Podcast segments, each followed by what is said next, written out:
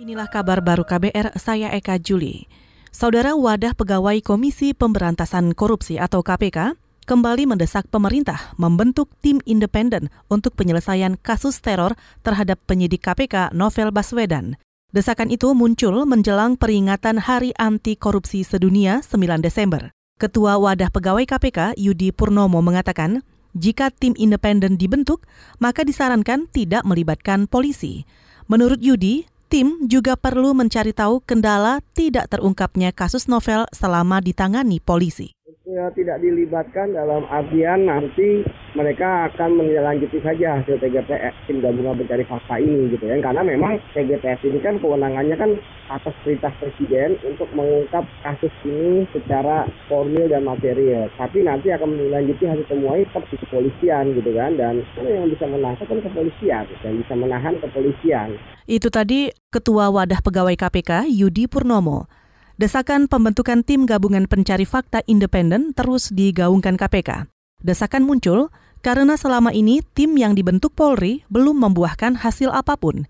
Presiden Joko Widodo memberi tenggat waktu sampai awal Desember 2019 bagi Kapolri Idham Aziz mengungkap kasus penyerangan terhadap Novel Baswedan.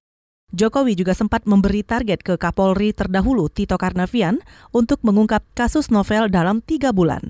Namun, tim Tito gagal mengungkap kasus itu. Saudara Komisi Nasional Hak Asasi Manusia atau Komnas HAM menuntut pemerintah berkomitmen serius menuntaskan kasus-kasus pelanggaran HAM berat. Hingga saat ini ada 11 kasus pelanggaran HAM berat yang menjadi utang pemerintah untuk dituntaskan. Ketua Komnas HAM Ahmad Taufan Damanik menyambut baik sikap Menko Polhukam Mahfud MD yang mengusulkan penyelesaian kasus pelanggaran HAM melalui Komite Kebenaran dan Rekonsiliasi atau KKR.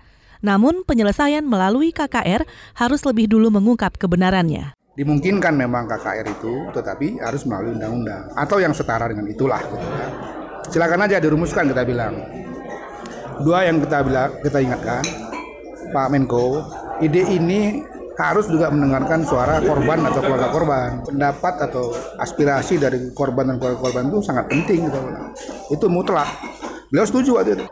Ketua Komnas HAM Ahmad Taufan Damanik juga mengusulkan pertemuan segitiga antara Komnas HAM, Menko Polhukam, dan Kepala Kejaksaan Agung untuk membahas penyelesaian kasus pelanggaran HAM masa lalu. Ia berharap kasus-kasus itu bisa dituntaskan agar tidak menjadi utang negara.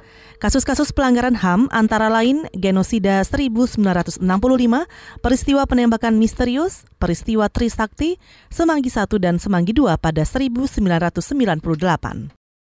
Saudara sebanyak 16 orang kehilangan nyawa akibat banjir di Uganda. Palang Merah mengatakan banjir bandang terjadi di wilayah Bundi Bukio Barat. Wilayah itu sudah beberapa hari terguyur hujan. Tim penyelamat menemukan mayat para korban yang tewas akibat banjir bandang. Banjir juga menghancurkan rumah-rumah warga. Sebagian besar Afrika Timur menderita banjir dan tanah longsor dalam beberapa pekan terakhir. Peristiwa dikaitkan dengan fenomena cuaca yang tidak biasa di Samudra Hindia. Hujan deras menghantam negara itu selama berminggu-minggu dan semakin intensif pada Jumat hingga Sabtu. Polisi, militer, agen bantuan dan anggota masyarakat membantu dengan operasi pencarian dan penyelamatan di lebih dari selusin daerah yang terkena dampak. Demikian kabar baru, saya Eka Juli.